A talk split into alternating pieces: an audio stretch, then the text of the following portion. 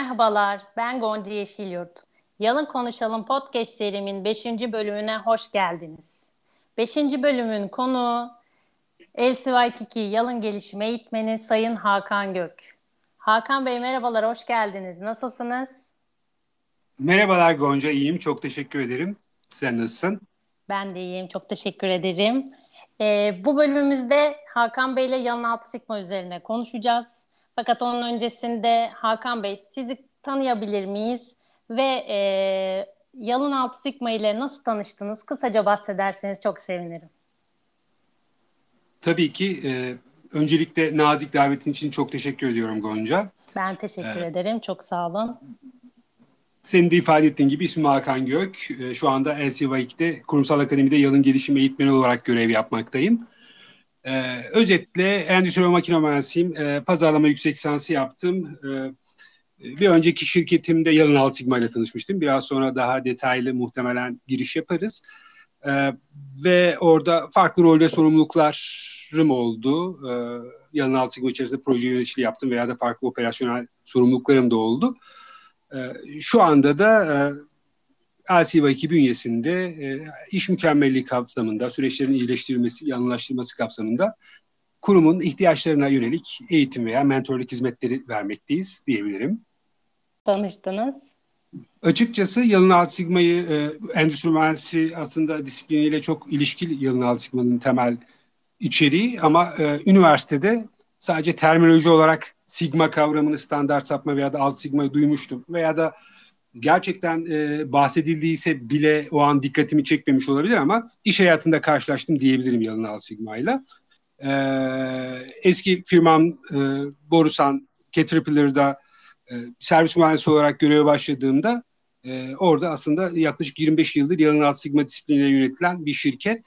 E, orada aslında ilk meyilliklerden bize atılan e, veya da yayılım e, aktivitelerinde karşılaştım ve e, burada çalışanların aktif bir şekilde e, kendi etki alanlarında şirketin problemlerine yönelik projeler yapması isteniyordu. Aslında biraz daha sorunlara e, müdahil olmaları isteniyordu Yalın Alt Sigma felsefesiyle. Hı hı. E, burada eğitimlere katıldım. E, eğitimlere katıldıktan sonra e, uzman yeşil kuşak projesi yaptım ve sonra siyah kuşak olarak e, atandım ve burada yaptım.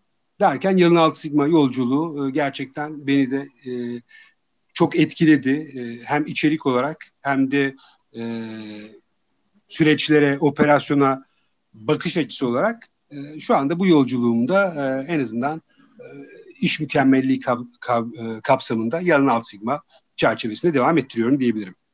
Süper, çok memnun olduk Hakan Bey. O zaman şöyle başlayalım. Ee, Yalın Altı Sigma'yı tanımlamak gerekirse sizce nedir? Ee, evet, zor bir soru. Tabii ki bir kelimeyle tanımlamak e, biraz mümkün değil. Böyle basit tanımlamalarda olsa da aslında iki tane e, temel e, kavramdan ortaya çıkıyor. Birincisi yalın, diğeri alt sigma kavramı. Aslında yalınla genelde daha fazla bilinen bir kavram. Yalınla daha fazla insanlar belki ortamlarda, e, kendi süreçlerinde, şirketlerinde veya kitaplarda karşılaşıyor. Alt sigma ile nispeten daha az.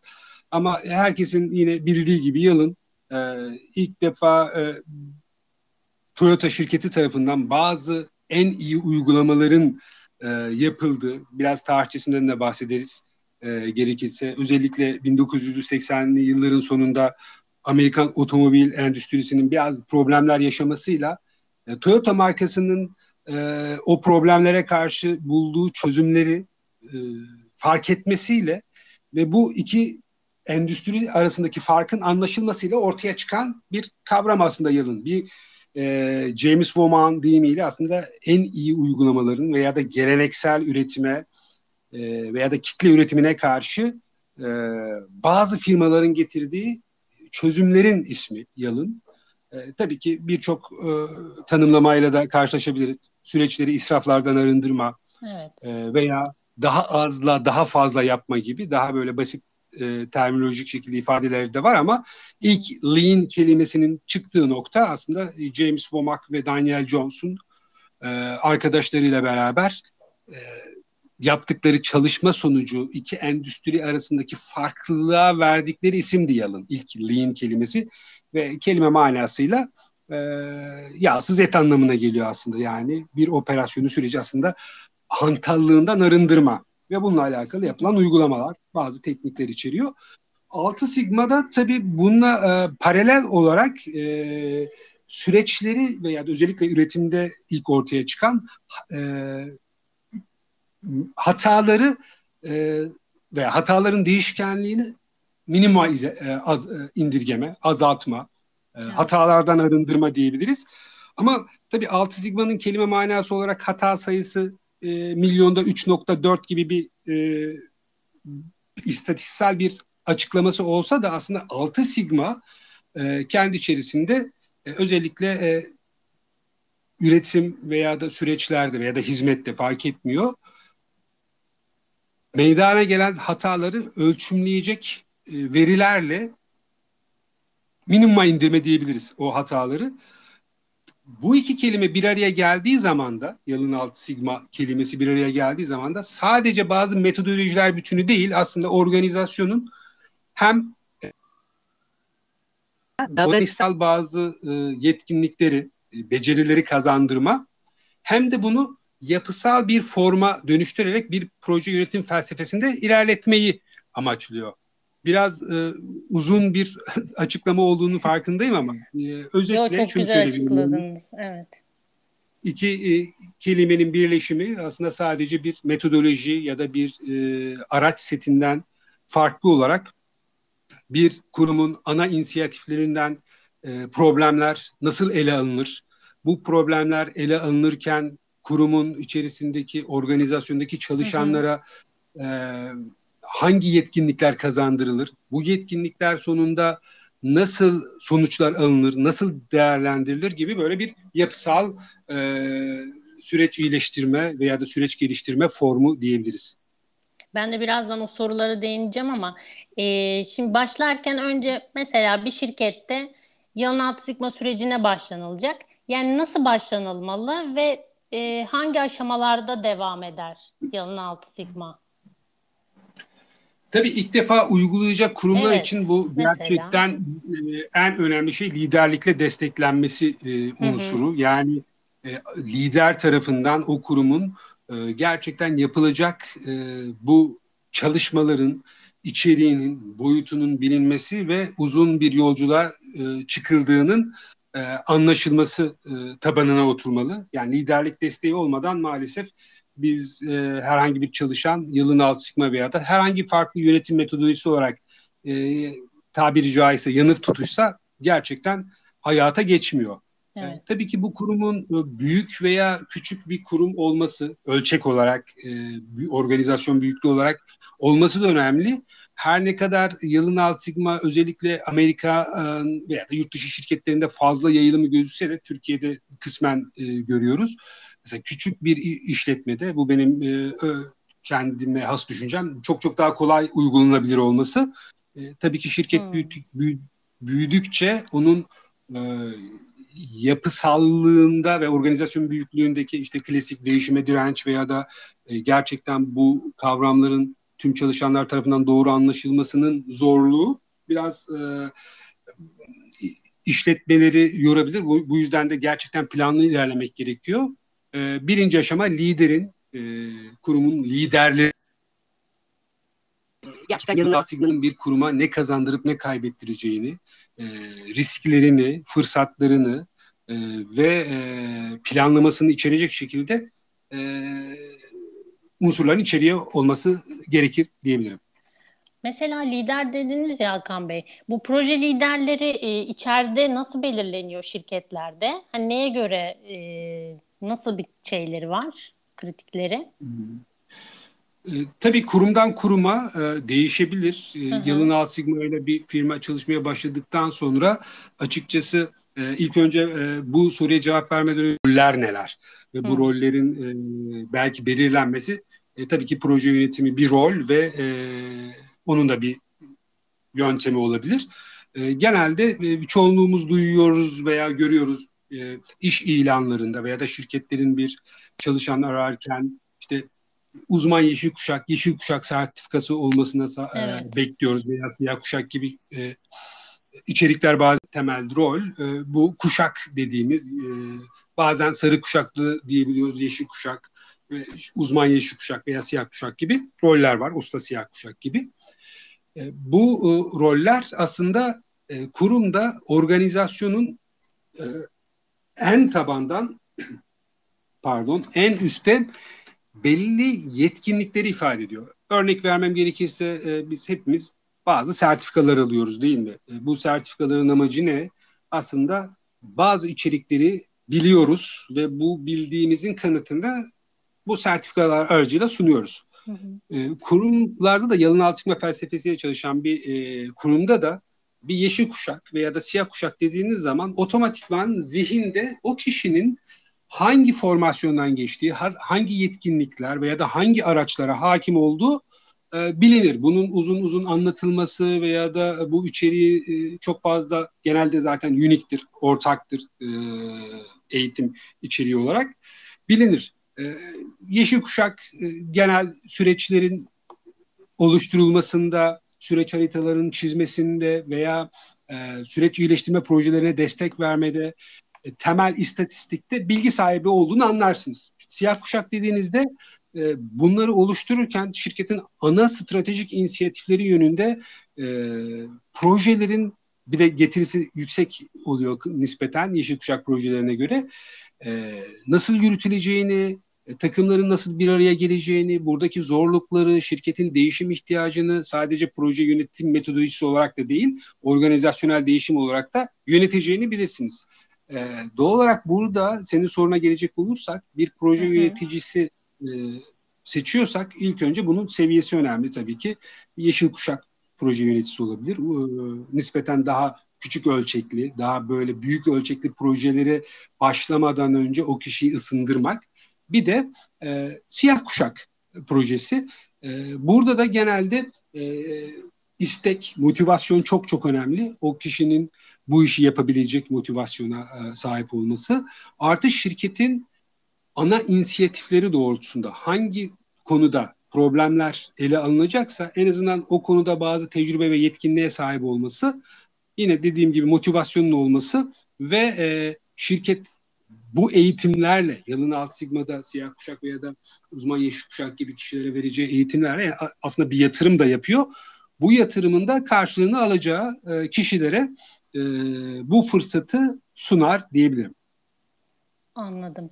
E, demin dediniz mesela işte projeler yapılıyor uzun vadeli, kısa, kısa vadeli olarak. Şimdi bunu şirkette örneğin bir projelere başlanılacaksa, konular belirlenecekse bu önceliklendirmeler e, şirketlerde neye göre yapılıyor? Yani şirketin hedefine göre mi, maliyet kazancına göre mi? E, nasıl belirleniyor? Tabii burası e, da en önemli adımlardan bir tanesi. E, özellikle şirketin ana stratejisi burada çok çok önemli. E, hı hı. Strateji doğrultusunda belirlediği stratejik amaçlar çok çok önemli. Ve bu amaçlara ulaşması için genelde gap analizleri yapılır. Yani e, bu stratejik amaçlarda mevcut durumumuz nedir ve hedeflediğimiz nokta nedir? Ve buradaki gap, e, boşluk veya da e, hedefe ulaşma noktasındaki aralık ne kadar büyükse e, bunlar önceliklendirir. Bunların bazıları maliyet avantajı içindir. Bu stratejik amaçlar maliyet avantajı sağlar. Bazıları kalite içindir. Bazıları e, veya ürün veya hizmetin gerçekleştirmesi için gerekli olan hız içindir mesela. Bazıları karlılık içindir. E, stratejik amaçlara ulaşmak için en büyük e, boşluk neredeyse oralar aslında bir e, öncelik teşkil eder. Tabii ki e, burada da m, hmm, şirketin iş kolları birbirinden farklı olabilir. Her bir kol için farklı inisiyatifler belirli ola, belirlenebilir. Bu inisiyatifler de projelere dönüştürülür. Anladım. Yani e, şimdi mesela dediniz demin işte uzun dönemli olabiliyor, süreçler uzayabiliyor. Ama mesela bunun böyle bir kısıtlaması var mı? Bir kısıt konuluyor mu? Yani projenin tamamlanma süresi işte ortalama şu kadar olmak zorunda gibi. Gerçi projeden projeye değişiyordur ama bunlar e, yani uzun vade dediğimiz ne kadar uzun olabiliyor? Ee, kesinlikle projeden projeye değişir. Ee, özellikle hı hı. bir program yönetiyorsanız içerisinde projelerden de oluşabiliyor. Ee, ama genelde e, kabul görmüş hani rakamlar var ya da ortalama rakamlardan bahsedebiliriz. bir e, proje, bir siyah kuşak projesi ve uzman e, yeşil kuşak projesi 3 ay içerisinde sonuçlanabilir kıvamda olması gerekiyor. Hmm. Çok da büyük olmaması gerekiyor. çünkü evet, ne kadar büyük olursa lazım, evet. kesinlikle bu sefer şirketin kaynaklarını verimli şekilde kullanmamak da karşımıza çıkabiliyor. Şu anda zaten günümüzde Demake Agile denen bir kavram da çıktı artık. Evet. Normalde yılın alt sigmanın süreç iyileştirme için kullandığı yol haritası aslında Demake. E, Demake e, özetle İngilizce Define, Measure, Analyze, Improve and Control e, başlıklarının e, ya da kelimelerinin baş harfleri. Yani Türkçesi tanımlama, ölçüm, analiz, iyileştirme ve kontrol. E, bunlar genel bir projenin fazları diyebiliriz. E, ve e, bu fazlar tabii ki kendi içerisinde bazı şeyler gerektiriyor. Bazı tudular, bazı e, yapılması gereken işler gerektiriyor. Örnek vermem gerekirse tanımlama fazında bir proje bildirisi hazırlanır, ekip bildirisi yayınlanır, aksiyon planı oluşturur, süreç haritaları çizilir, hızlı kazanımlar ya da quick win'ler elde edilir, kritik müşteri talepleri toplanır gibi böyle her bir fazın kendi içerisinde bazı yapılacaklar listesi var. Tabii ki bunun yapılması için de belli bir zaman gerekli. Projenin içeriği çok büyükse bu proje ekibiyle beraber bunların toparlanması biraz zaman alabilir. Ama günümüzde işte Agile kavramı, Agile manifestosunun temeli de aslında yine yalın metodolojilere dayanır çoğu. Evet. Burada da yine e, biz one day demake diyorduk mesela. E, bir günlük demake yani bir gün içerisinde bir konuyu tanımla, ölç, analiz et, iyileştir, kontrol. Tabii ki elinizde veri varsa, uygun şartlar ha, varsa iyi. yani bunun e, ölçeği yine en başta ifade ettiğimiz gibi projeden projeye göre değişir.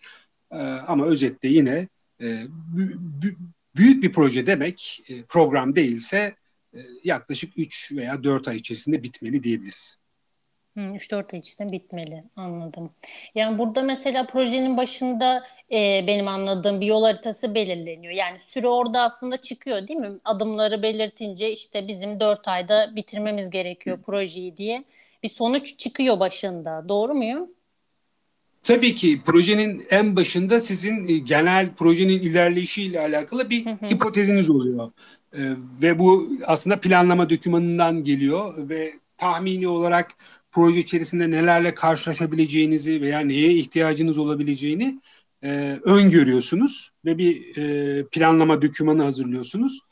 E, bu planlama dokümanın büyüklüğü de yine proje ihtiyacına göre değişiyor. Artık yine agile yaklaşımında aslında müşteri talebinin karşılanması en önemli biliyorsunuz müşterinin e, isteğine cevap vermek.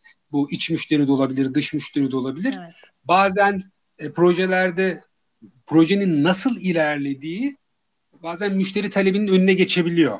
Yani her bir adımı e, sabit, strict bir şekilde takip etmek e, önüne geçebiliyor. Bunun önüne geçebilmek için de en önemli şey müşteri talebinin karşılanıp karşılanmadığı. Burada da yine aslında yalın alt sigma içerisinde eğer dokümantasyon kısmı sizin gerçekten çok fazla zamanınızı alacaksa hı hı. ve e, çok da elzem değilse bunu yine proje yöneticisi kendi tecrübesi, deneyimi, ekibiyle beraber tabii ki bu burada e, biraz önce bahsetmediğimiz en önemli roller arasında yer alan bir projenin sponsoru, süreç sahibi, e, yayılım sorumlusu gibi e, kişilerle bir araya gelip değerlendirerek e, bu yapıya karar verebilir. Bu yol haritasında benim bir de merak ettiğim bir konu var. Mesela diyelim biz yol haritamızı çıkardık işte kişilerle. Fakat e, araya bir konu eklenmesi gerekti. Unutulan bir konu olabilir veya süreç oraya doğru gitmiş olabilir.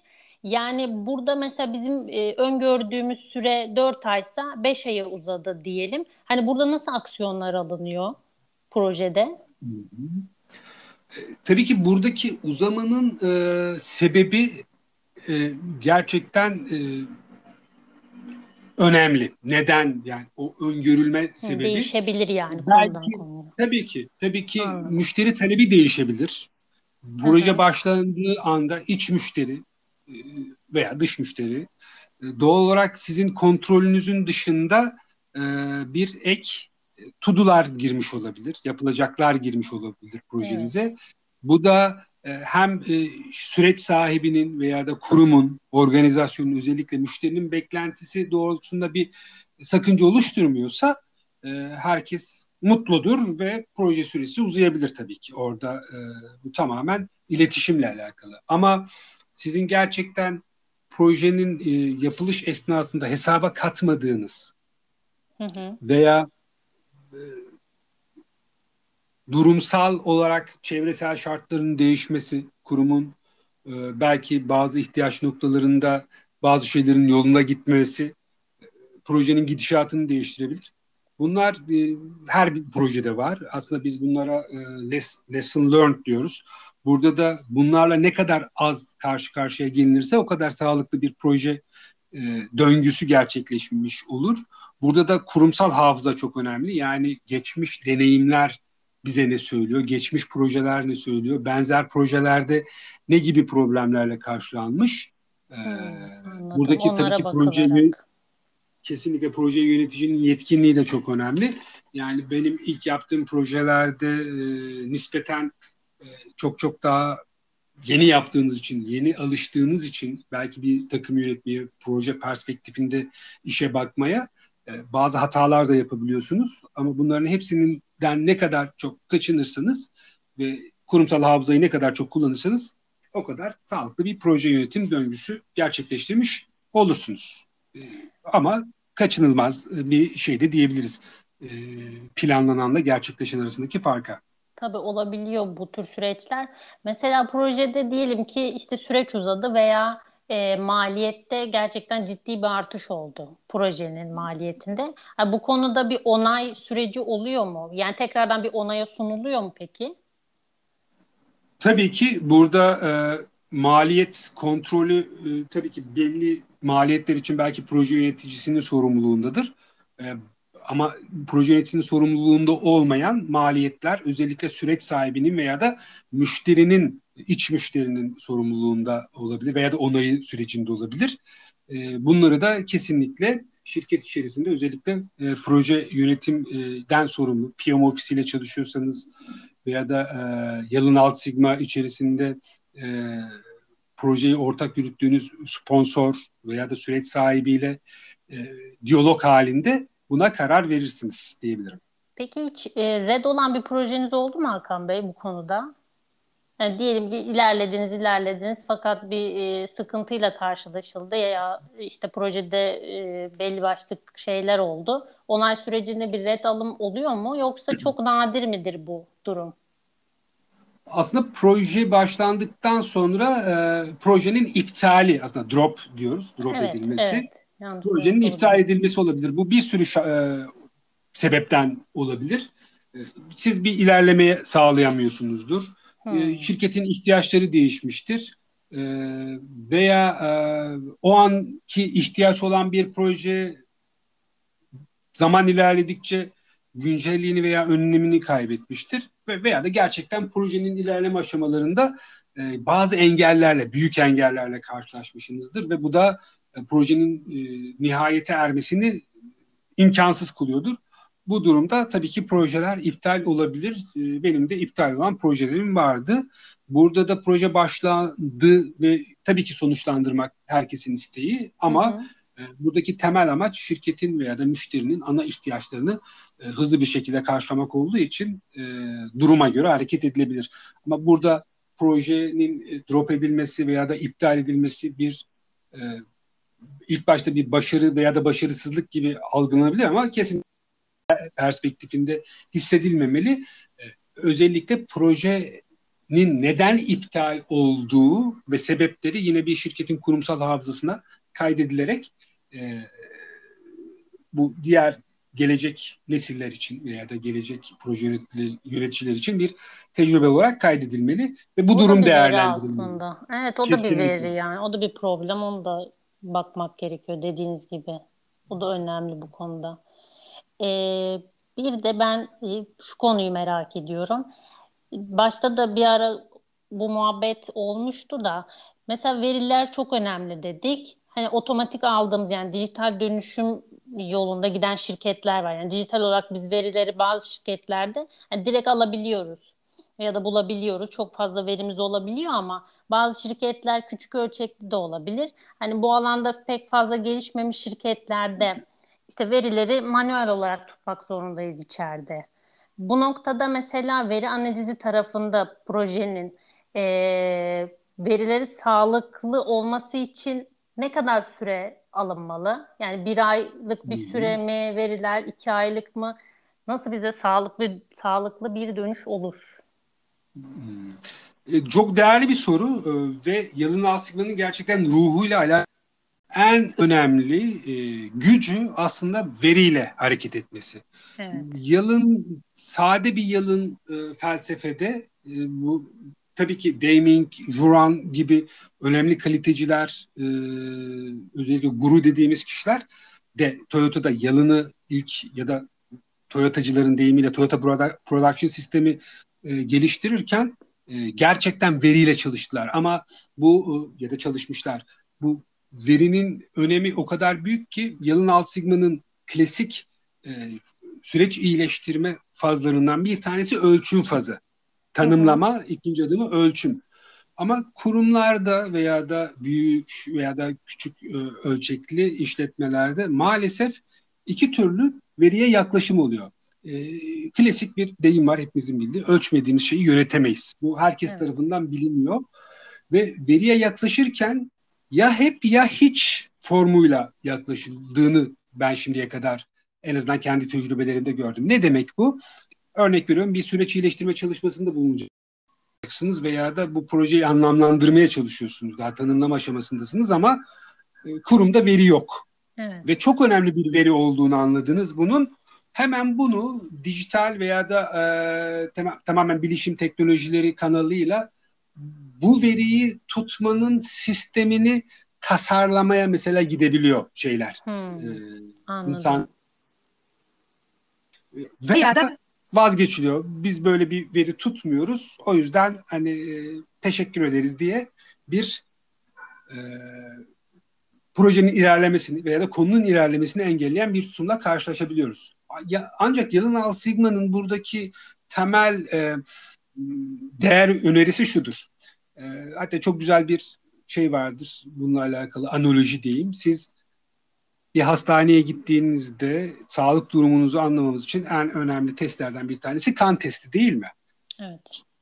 Bunun için hastaneye gittiğinizde tüm kanınızı mı verir, verirsiniz ya da tüm kanınızı mı alırlar yoksa bir örneklem mi verirsiniz? Tabii ki örneklem. Değil mi? Veya hastaneye gittiğiniz zaman şunu diyebilir misiniz? Yani benim gerçekten durumumu anlamak için tüm kanımı alın. Ee, Yok.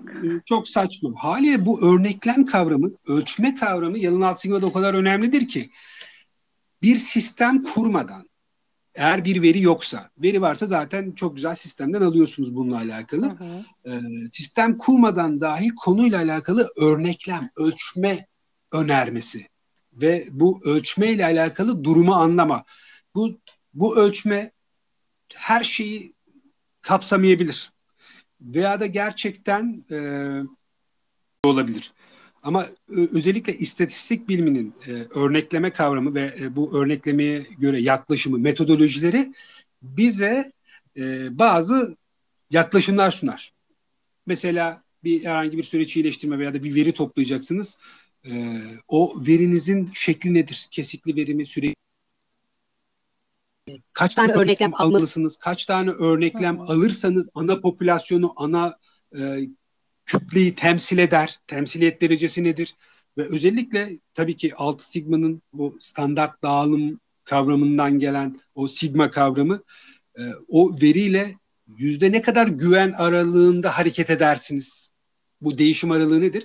Bunların hepsi e, yalın alt sigmanın önemli kaslarından bir tanesi e, ve e, maalesef ki çok bilinmediğinden dolayı veya da veriye karşı işte iki tane yaklaşımdan dolayı evet bununla alakalı ya bir sistem kurulması lazım veya da elimizde veri yok yaklaşımı e, kurumları doğru kararlar almak için zorluyorlar. Ama Yalın Alt Sigma'nın bununla alakalı gayet güzel bir çözümü var diyebilirim. Dediğiniz gibi istatistik gerçekten çok önemli. Hani üniversitede görüyoruz ama açıkçası ben üniversitedeyken bu kadar değerli olduğunu bilmiyordum. E, iş hayatına başladıktan sonra istatistiğin ve verinin çok önemli olduğunu anladım açıkçası. Ee, gerçekten çok önemli. Ee, yılın 6 Sigma'nın tüm eğitim içeriğine baktığınızda ister uzman yeşil kuşak, ister siyah kuşak, isterseniz usta siyah kuşak olsun. Ee, şunu gönül rahatlığıyla söyleyebilirim ki e, minimum yüzde 60-70 istatistik bilgileri içerir e, ve burada e, kazandığınız e, yetkinlik gerçekten olaylara, süreçlere, veriye bakış açınızı değiştirir ve bu da sizin karar almanızı kolaylaştırır diyebilirim. E, gerçekten çok değerli bilgiler verdiniz Hakan Bey. Yani benim de kafamda açıkçası soru işaretleri vardı bazı konularda. Şu an netleşmiş oldu. Gerçekten çok teşekkür ederim. Benim bir standart sorum var en sonda sorduğum. E, gençlere bir tavsiyeniz var mı? Genel olabilir, e, nasıl isterseniz. Ee, güzel bir soru. Bu soruya genelde cevaplar insanların e, hayatlarında e, belki dönüm noktalarını ilgilendiren unsurlar da oluyor ya da burada ön plana çıkıyor. Ee, benim özetle e, söyleyebileceğim şey yaş kaç olursa olsun ister genç ister e, orta yaşlı e, okumak devamlı yeni kaynakları özellikle orijinal çıktığı noktalarda geç kalmamak o bilgiye ulaşma noktasında çok çok önemli. O yüzden en önemli şey devamlı hiç durmadan okumak, araştırmak, bilgiye ulaşmak ve tabii ki sadece bilgiye ulaşmak yetmiyor. Bilgi uygulandığında güç haline geliyor. Ee, öğrenilen bilgileri de e, hayata döndürmek, uygulamak için onların yöntemlerini deneyip bulmak diyebilirim e, özetle. Çok teşekkür ederim Hakan Bey. Yani bilgi dolu bir bölüm oldu açıkçası. Ee, beni davetimi de kırmadığınız için ayrıca teşekkür ediyorum tekrardan. Ben çok teşekkür ederim tekrar nazik davetiniz için. Tabii ki Yalın Alt Sigma veya bu tarz konular bir yarım saate e, sığmayacak başlıklar. Çok çok daha farklı belki bahsetmediğimiz belki e, ifade ederken kaçırdığımız noktalar olabilir ama e, Yalın Alt Sigma yazdığımızda zaten hem Google'a e, veya da bununla alakalı yazılmış e, tonlarca kitap var. Türkçe çok fazla olmasa bile en azından İngilizce. Evet. Buradan da arkadaşların, e, meraklı arkadaşların buralardan da kaynak araştırmasını e, yapabilirim. Hatta e, dinleyicilerimizden bir tanesi de bir tanesini de seçeceğimiz veya da yorumlarla bunu sen belirleyebilirsin. Yılın alt sigma ile alakalı bir e, güzel bir kitap hediye edebiliriz. Süper. Bunu süper. kullanıyorum seçeceğin kişiyi. Tamamdır. Ben bunu organize edeyim. Çok sevindim ayrıca bu düşünceniz için de. Teşekkür ediyorum. Yani bizim için tecrübeleriniz gerçekten çok önemliydi. Yani bize aktardığınız için tekrardan teşekkürler. Ben teşekkür ederim Gonca. O zaman görüşmek üzere bir sonraki podcast'te. Teşekkürler. Görüşmek üzere. Bay bay.